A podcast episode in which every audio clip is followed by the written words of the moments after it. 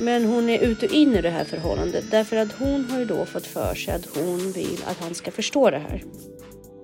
Saker kommer drabba mig, men jag väljer hur jag bemöter det eller hanterar det som drabbar mig.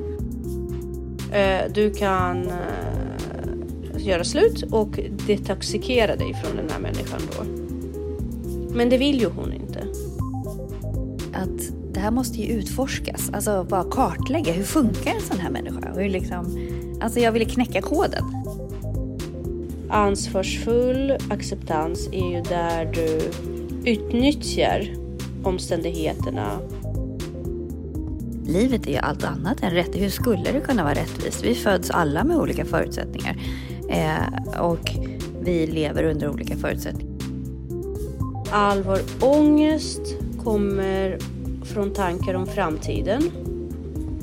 Och all, alla våra rädslor kommer från våra tankar om det förgångna och erfarenhet liksom.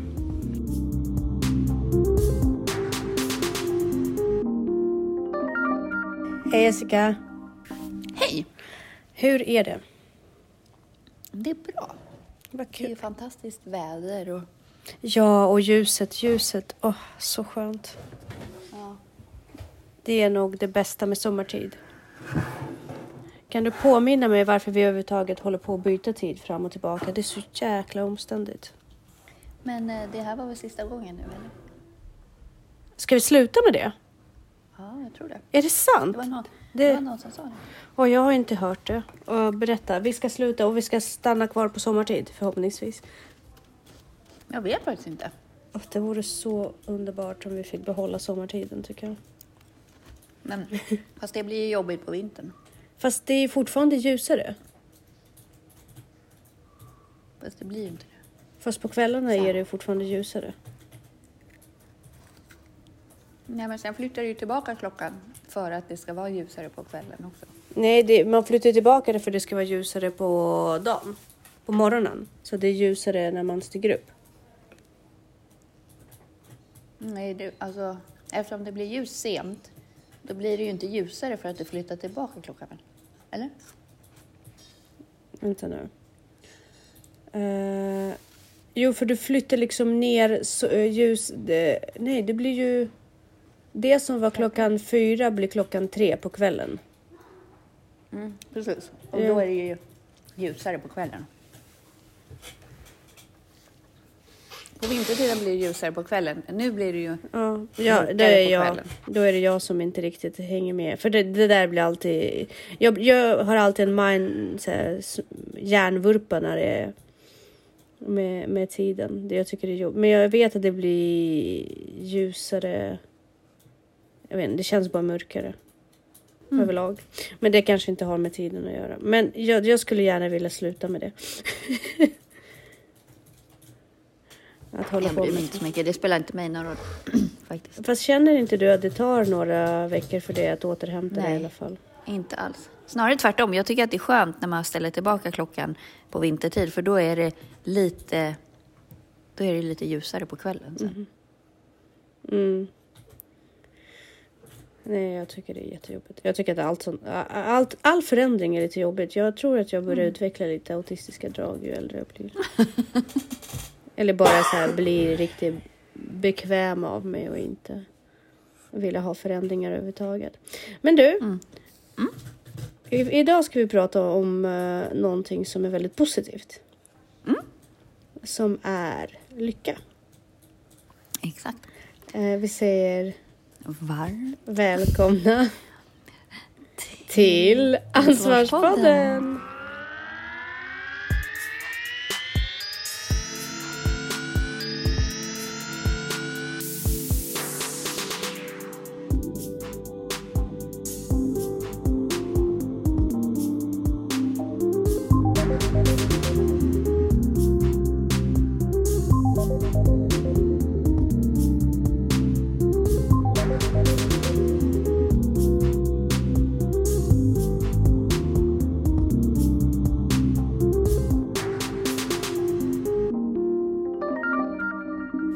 Vi läste, eh, vi lyssnade tillsammans på en podd eh, som handlade väldigt mycket om lycka. Har du lyssnat på det förut?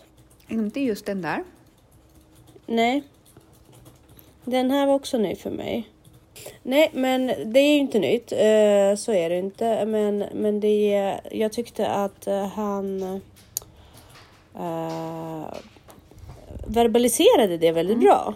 I ett, i ett verbalt liksom, sätt som gick för mig att greppa på ett mycket... Mm.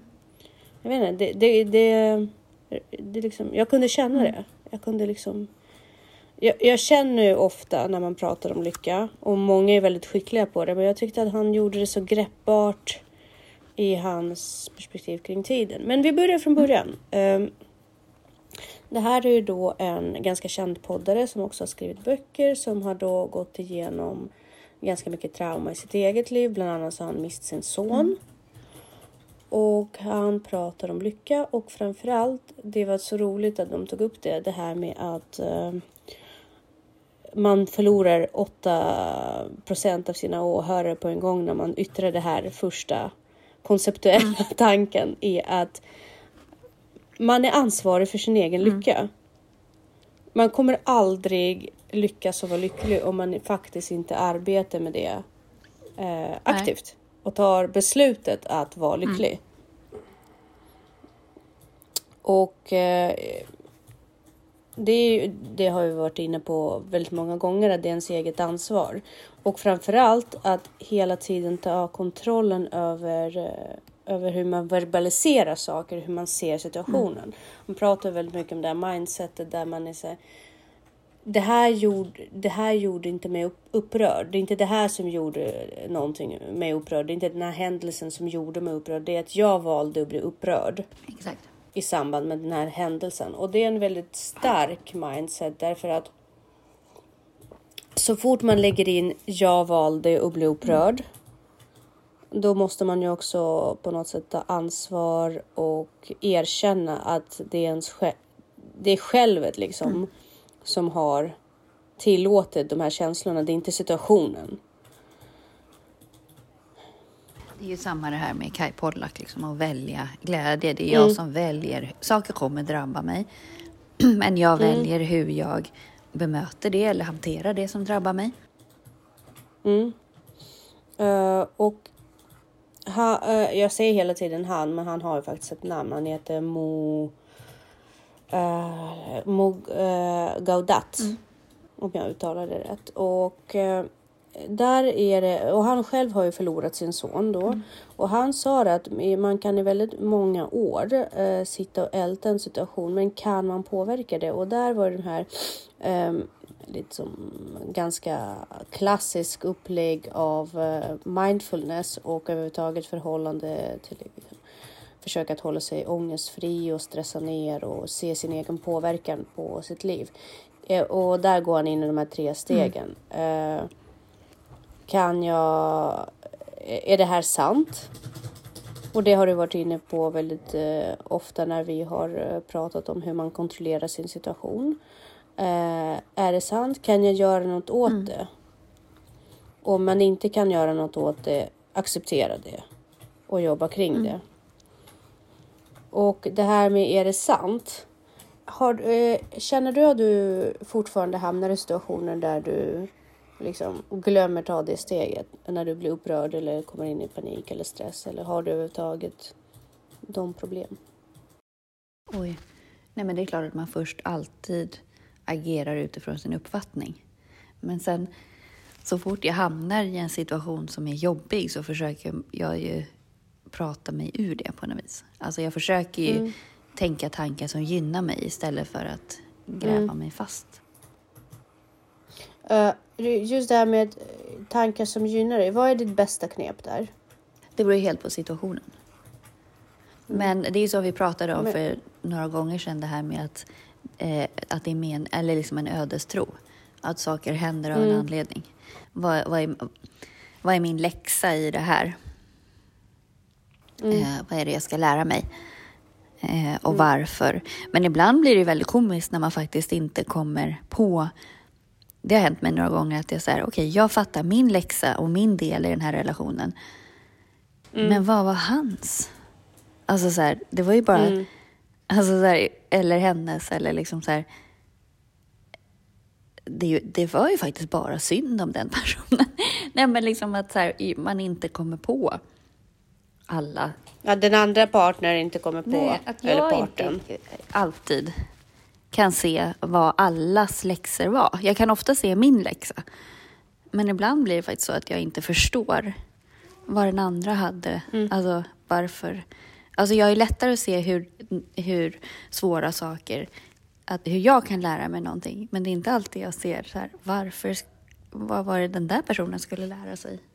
Mm, menar du att andra blir drabbade av, ö, utan någon anledning eller tänker du så? Ja. Eh, ja, fast eh, jag vet inte. Så jag tänker så här att det, det, vi förutsätter ju på något sätt ofta tänker jag att, eh, jag inte, att våra medmänniskor på något sätt eller till och med, jag vet inte, jag i alla fall, att man har samma känslopalett och man reagerar på samma sätt på olika saker. Jag tror att mångas läxor som eh, de lär sig när man kommer i konfliktsituationer och sådär kanske inte har med samma, eftersom de inte har med samma känslopalett att göra så kanske de slår eh, till på ett annat sätt. Alltså det är en annan, någon annan vinkel, någon annan perspektiv, någon annan som inte borde eh, inte borde låta, låtit den eh, komma så nära eller borde vara tydligare med gränssättning, du vet. Mm. Typ sådana saker. Jag tänker att eh, det är svårt att se lärdom ur ett perspektiv där man inte är invecklad i alla detaljer precis. kring det. Eh, och det blir en svårare, liksom. Då måste man väldigt insatt. Mm. Men eh, jag har ju nu en bekant som är, eh, det är intressant för hon, eh, hon har ju blivit ihop med en narcissist. Oj. Ja. Eh, och det är konstaterat, det har vi utifrån hans beteende. Både hon ser det och jag ser det eh, och vi har ju konstaterat det. Och eh, hennes psykolog ser det. Alltså det är liksom och då vill ju hon på något sätt. Hon, hon vill ju liksom vara lycklig igen för den här personen gör henne helt miserabel. Men har hon gjort slut med Och honom? då, nej, ja, då hon har gjort slut. Men hon är ut och in i det här förhållandet därför att hon har ju då fått för sig att hon vill att han ska förstå det här. Alltså det är ju en del av sjukdomsproblematiken. Precis. Och eh, det blir så komiska exempel på det och då eh, Kommer du ihåg den här podden vi hade när vi pratade om eh, eh, David Eberhards? psykopat. Ja, precis. Eh, alltså de här, det här är inte reparabla tillstånd. Precis. Och han är ju inte en psykopat, men han är definitivt en narcissist. Så att han, han, det, men han är inte så där, du vet, att han är elak eller skulle gå hur långt som helst. Han är inte den labila psykopaten som skulle sitta inne på finka. Han är bara otrevlig att ha att göra med. Mm. Ja. Så, om vi säger så. Så mil, mildare absolut. psykopat tänker jag, det är en narcissist liksom så. Eh, och det är så komiskt därför att eh, hon har, han har eh, liksom, hon har kommit på honom ljuga när han har försagt Mm. sig och sådär. Och varje gång hon gör det, då skiftar han och bara, du är en kontrollfreak. Jo, du, men alltså- Det är du som måste gå till Ja, psykologen. men hon, Jo, men det, och det, det har hon ju konstaterat, men det är ju hans Mm. reaktion för att det, det är så han. Och då frå- frågar jag sig, men vad, varför är du kvar? Varför är du kvar? Nej, men jag vill att han ska fatta, det är inte mitt fel. fast han kommer aldrig förstå det. Jag bara, men det, nej, exakt. Och, och där, det, det är en sån himla paradox. Det är sån moment 22. Och hon fattar ju det. Mm. Men hon kan inte släppa det för att hon tror att ja, men nästa gång Nej. kommer han fatta. Nästa gång. Och det kommer Men aldrig. fråga henne om det är värt att kasta bort tio år av sitt liv på att... Alltså för han kommer aldrig förstå det. Alltså, Nej. Han, hon kommer ju bli... Bara kasta bort tid som hon kunde ha lagt på någon annan Ja. Ja, precis. Och det har vi ju pratat om och sådär. Men jag tänker så här, hon måste ju själv bli, bli så pass utsatt för det här. Att hon får nog. Därför att vid något tillfälle måste hon ju få nog, eller hur? Och tills hon har förstått och liksom uttömt alla sina möjligheter och sina eh, egna visioner om hur hon skulle kunna sätta dit honom och han skulle förstå. Så tänker jag att det är ingen idé att man sitter och övertalar henne för uppenbarligen så är det något som skaver där. Men hon sitter ju där och bara, men varför? varför Be henne bara sätta ett tidsmål. Okej, jag ger det ett år. Ja, Eller två år. Om Mm. han inte har förstått på två år, då måste Mm. jag ge upp. Risken är att hon blir så himla invävd i honom och att han också Mm. sätter, väver in henne i saker som hon inte har någon aning om. Mm. Så hon hamnar i skiten i en massa andra, alltså så här. Han Mm. kan ju göra vad som helst. Så att hon aldrig kommer Precis. Och eftersom hon har eh, blivit uppfostrad av en mor med de tendenser så blir det också dessutom för henne bekant. Eh, så att för henne blir det något så här bitterljuvt. Eh, någonting som hon återupplever på något sätt bekant. Det är jobbigt, det är traumatiskt, men det är traumatiskt på ett bekant sätt. Anknytningsteori. Och, precis, och där satt jag och tänkte på det eh, han Mo säger angående att hjärnan blir ju bra på de saker som den utsätts för hela tiden. Så om du till exempel sitter och kollar på nyheter och blir häpnadsväckt över vad som händer i världen och allt är så fasansfullt och du blir så himla upprörd. Då blir ju hjärnan väldigt duktig på att eh, uppmärksamma sådana saker Mm.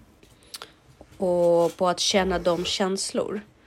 Och vad, vad min kompis gör nu då, det är att hon övar in sig på att vara, vara bekväm med psykopater eller narcissister i det här Ja, men det fallet. kan ju vara, alltså, det, det har väl jag berättat. Jag har också haft en relation med en narcissist. Eh, Narcissistisk psykopat. men jag var ju medveten om det och för mig var det en studie. Alltså, så Mm. jag köpte ju ingen, jag var ju inte kär i den personen heller. Så att, utan det var mer så här. Det är inte, det är inte, det är Men inte alltid man får tillfälle att vara så nära. Det är ändå fascinerande. En psykopat. Ja, ja, jag förstår. Men hur, varför gick du in i det? Om man får fråga. Alltså fascination av Vad spännande Nej, men liksom. Spännande på så sätt att jag kände så här. Det kan inte vara omöjligt att ha en distans. Alltså, det är väldigt många som Mm. säger så här, men man förstår inte och man fastnar och man liksom så här, de lirkar in en. Och jag kände så här, det var så Mm. tydligt vid ett så tidigt stadie att det inte stod Mm. rätt till. Och så kände jag så här att det här måste ju utforskas, alltså bara kartlägga hur funkar en sån här människa? Och hur liksom, alltså jag ville knäcka koden. Mm. Lyckades du Ja, känner du? det tror jag. Alltså, jag fastnade inte och jag kunde förutse säga beteendet. Mm. Men eh, var det någon som du stod väldigt nära eller var, alltså var det? Nej, Ska jag säga, eh, nej. eller alltså jag hade ju en relation med människan men, men jag var ju... Var det länge? Nej, nej, frågar? nej. Det var i några månader. Mm.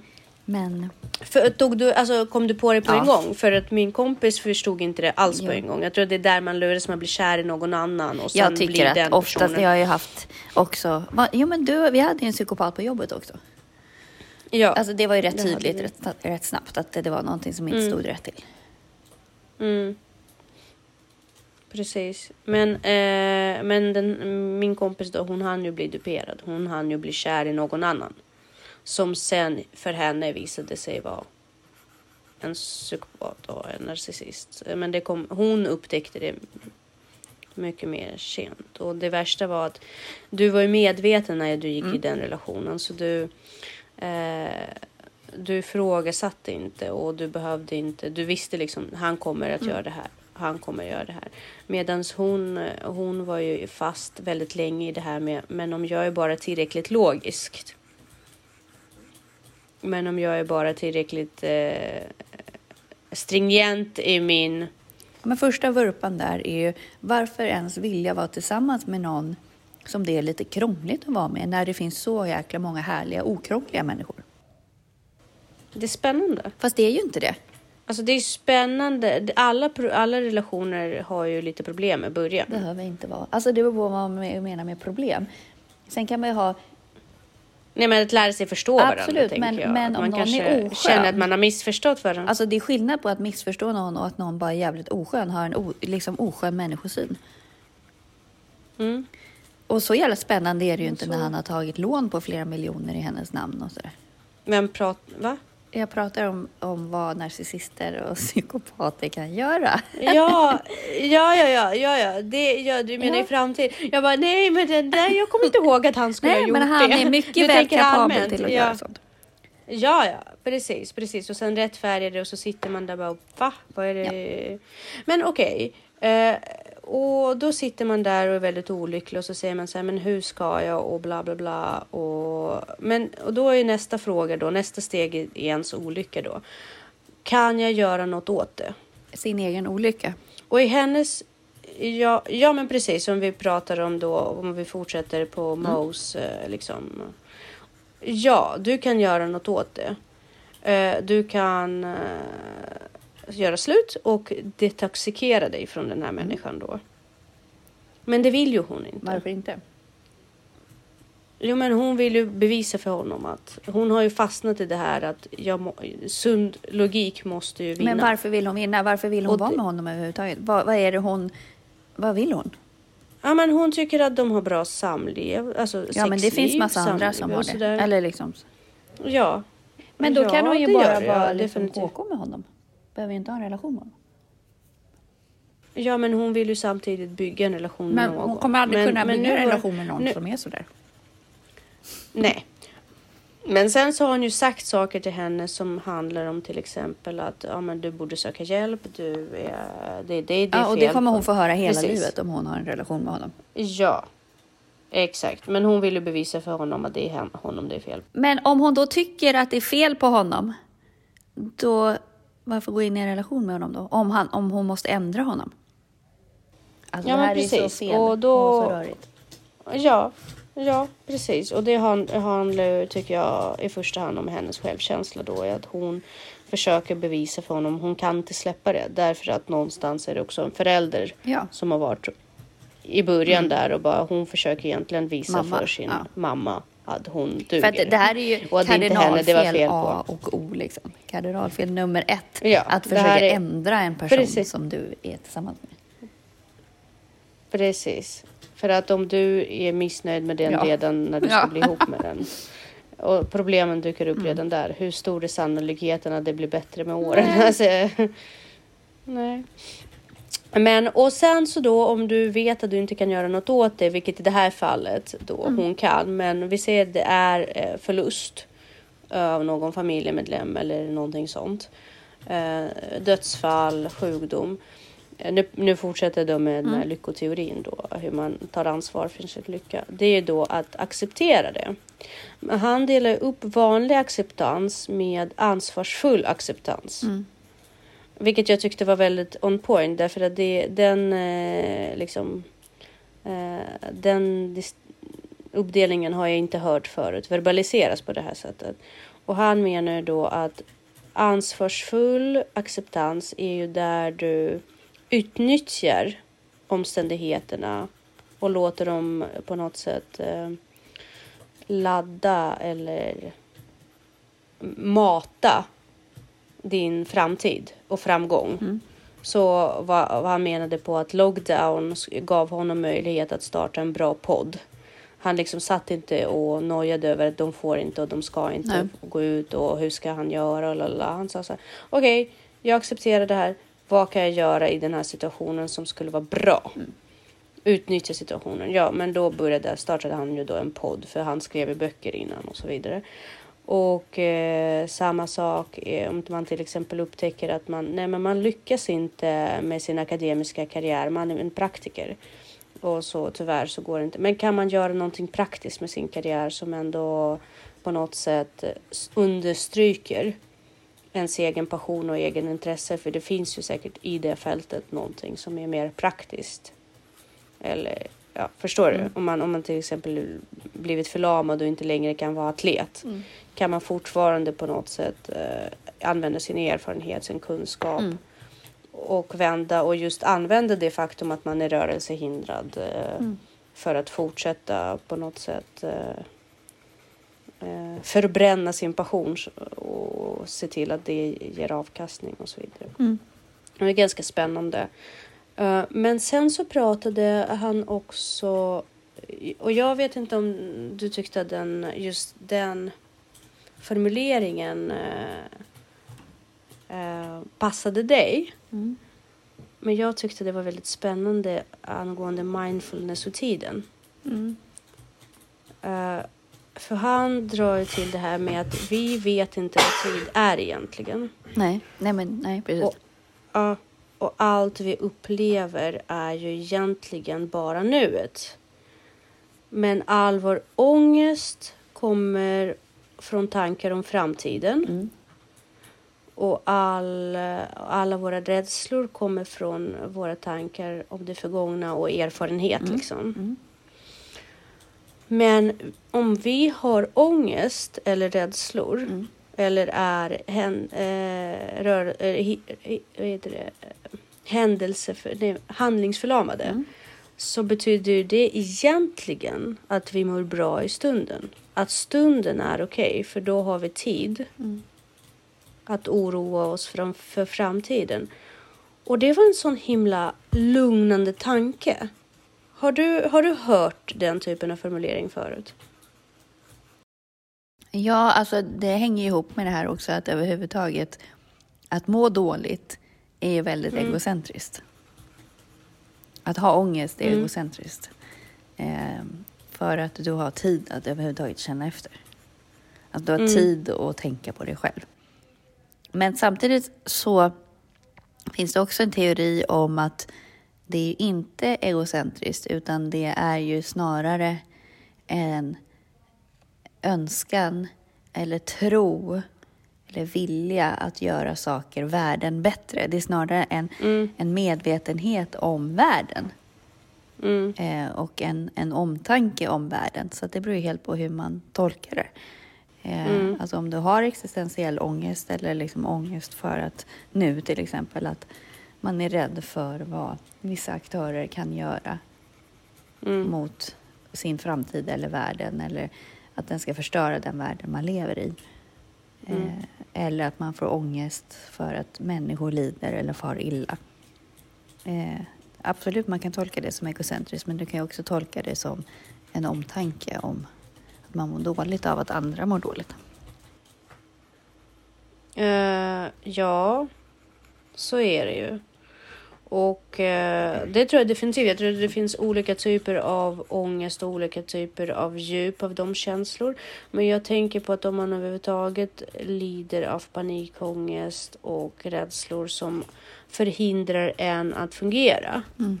eh, i världen så är det väl ganska intressant sätt att förklara det för sig själv. Alltså vad det är och vad det innebär. Mm. Och ett sätt att lugna sig bara, vänta, vänta. Just nu känner jag ångest. Det betyder att jag faktiskt har tid med det.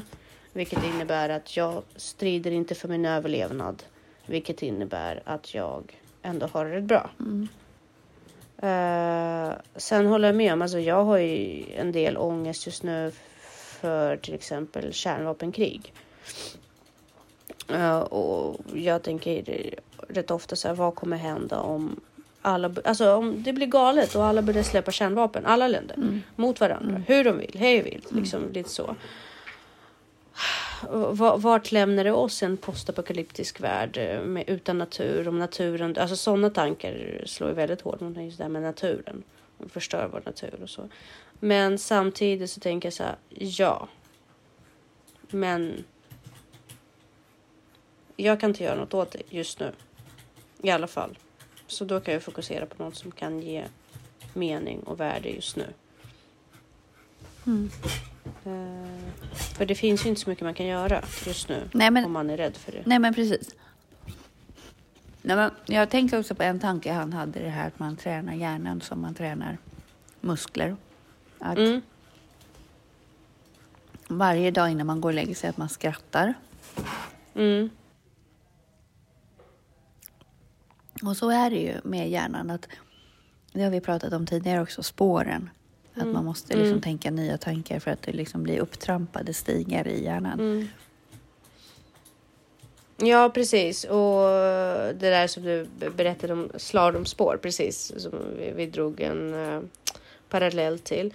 Eh, och eh, det var också väldigt intressant i, i det här med att ta ansvar för sin egen lycka innebär ju absolut inte att det som händer dig i världen är rättvist. Det betyder inte att du inte blivit utsatt för orättvisor och sen så sitter man och, och från andra hållet och säger till dig men sluta, det där kan du leva med. Det är inte det det handlar om. Nej. Det handlar ju om att livet är inte rättvist så att sitta och anta det är bara att motarbeta sig själv. Mm. Förr eller senare kommer du att drabbas av någonting. Det där var ju Jordan Peterson också väldigt duktig Ja. att säga. Att, eh, att oavsett vad, hur ditt liv ser ut så kommer du vid något tillfälle i ditt liv drabbas av trauma, kris etc. Alltså dina släktingar. Det kommer komma eh, svåra tider. Mm. Så om du istället under tiden fokuserar på att vara tacksam för det du har Mm. Så har du automatiskt förberett din hjärna och ditt psyke Mm. till att eh, utöva det mindsetet eh, även i de svåraste stunderna. Okej, fine, det är dåligt. Morfar har fått cancer, Mm. men det kunde varit värre. Det kunde varit mina barn eller du vet något sånt eller om man själv har blivit drabbad. Ja, det kunde varit värre. Det kunde varit mina barn återigen eller du vet att man hittar vägar Precis. för att hjärnan är så van vid det. Mm. Så att sitta och, och förutsätta att livet ska vara rättvist och bra och allt annat är inte ens eget ansvar. Det är lite... Nej, men varför skulle livet vara osunt. rättvist? Alltså Det är inte ju det vi lär våra barn. Jo, men nej, nej, det tror jag inte. Alltså tvärtom. Nej, men- nej men sen så kan man försöka skapa rättvisa förutsättningar om man har möjligheter. Men att livet är, livet är allt annat än rätt. Hur skulle det kunna vara rättvist? Vi föds alla med olika förutsättningar. Eh, och vi lever under olika förutsättningar. Så att det kan aldrig vara rättvist. Däremot så kan vi prata om en likvärdig eh, människosyn liksom, och likvärdighet alltså i, i människovärde. Men rättvist, alltså, och vad är rättvist? Alltså, eh, det är det här med lika utfall och lika Outcome. Ja, förutsättningar. Mm. Alltså rättvist. Eh. Alltså ja, eh, det som är rättvist kanske du tycker är orättvist för att du tycker att rättvisa handlar om lika utfall. Medan rättvisa handlar ju om lika förutsättningar. Och det kommer vi aldrig kunna ha. Nej, nej och samtidigt, så jag vet inte, i skolans värld blir det så himla eh, på något sätt. Alltså vi, vi pratar väldigt mycket om gyllene regeln. Eh, det gör vi ofta på ett eller annat sätt. Så om du inte vill göra någonting så eh, eller om du inte vill bli utsatt för någonting så ska du inte göra det mot andra heller. Nej. Men det är så ofta som det faller.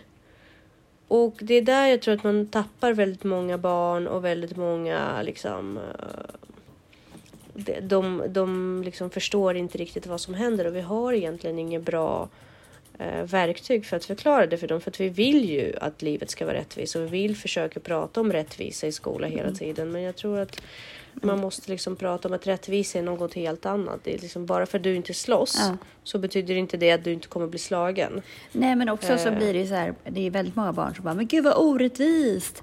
Mm. Han fick det där. Man bara, fast vadå orättvist? Han har ju förtjänat, alltså han har jobbat till sig det. Alltså Mm, orättvist betyder precis. inte att alla villkorslöst får samma saker.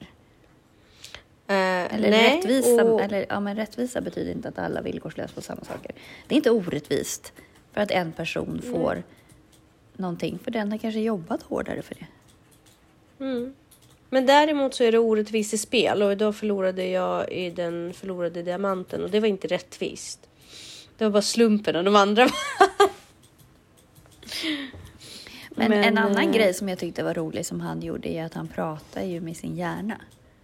Ja, visst var det intressant? Att han, han säger sin hjärna som en upp. Ja. tredje part på något vis. Att så här, Ja. Och att den pockar på, han tog upp något exempel, liksom, att, så här, att han, eh, han kallar sin hjärna för Becky. Och Ja, så här, precis. Din dotter eh, älskar inte dig längre. Och då blir han så Mm. här, du Becky, vi pratar om det här klockan sex. Nu har inte jag tid. ja, men precis. Det var jättekul och, och också hans tankar om det här att hjärnans enda sätt att kommunicera med oss är ju tankar som är formade i ord. Ja. Men per definition betyder inte det att det är sant. Nej, precis. Och det är ju det vi har pratat om också. Bara för att jag känner någonting Precis. så betyder inte det att det är Mm. sant. Det är bara en känsla och känslan kommer av någonting. Och Mm. hjärnan kan inte skilja på verklighet och fantasi. Så att det Mm. hjärnan känner behöver ju inte vara sant. Det är baserat på någon, någon tanke som den har haft eller en känsla som jag Mm. eller någon missuppfattning eller så. så att, Ja, och där är det så lite avslutande tankar. För Mm. Jag menar många människor som är traumatiserade och men, många människor som har växt upp med narcissistiska föräldrar, det är bara inga bra föräldrar, det är våld är hemma. Mm. De upplever ju eh, lugn som tristess. Mm. Och då börjar deras hjärna sätta igång och skapa drama. Mm. Och där är en bra eh, liksom, sätt att av, eh, börja träna sin hjärna är att tanke inte behöver vara. Därför att det är bara, din hjärna är bara van vid att det ska vara Mm. giftigt runt omkring dig. Det behöver inte vara att, eh, och där kan man utveckla ganska mycket ångest men också ö, där, öva Mm. på att förstå att tanken du är bara uttråkad. Din hjärna Mm. är så, har varit så pass traumatiserad och stressad att den framkallar stress för att det är det den känner till. Mm. Ja, nej men det var, det var en podd som var över två timmar lång och jag rekommenderar den verkligen. Mm. Och många tankvärda saker. Det är inte bara det vi bröt ner idag. Mm. Vi bröt ju ner bara en liten bit men även resten av podden är väldigt bra. Mm. Jag re- rekommenderar den. Verkligen. Yes. Ska vi säga tack och hej för idag? Ja, men det gör vi. Tack och hej. Tack och hej.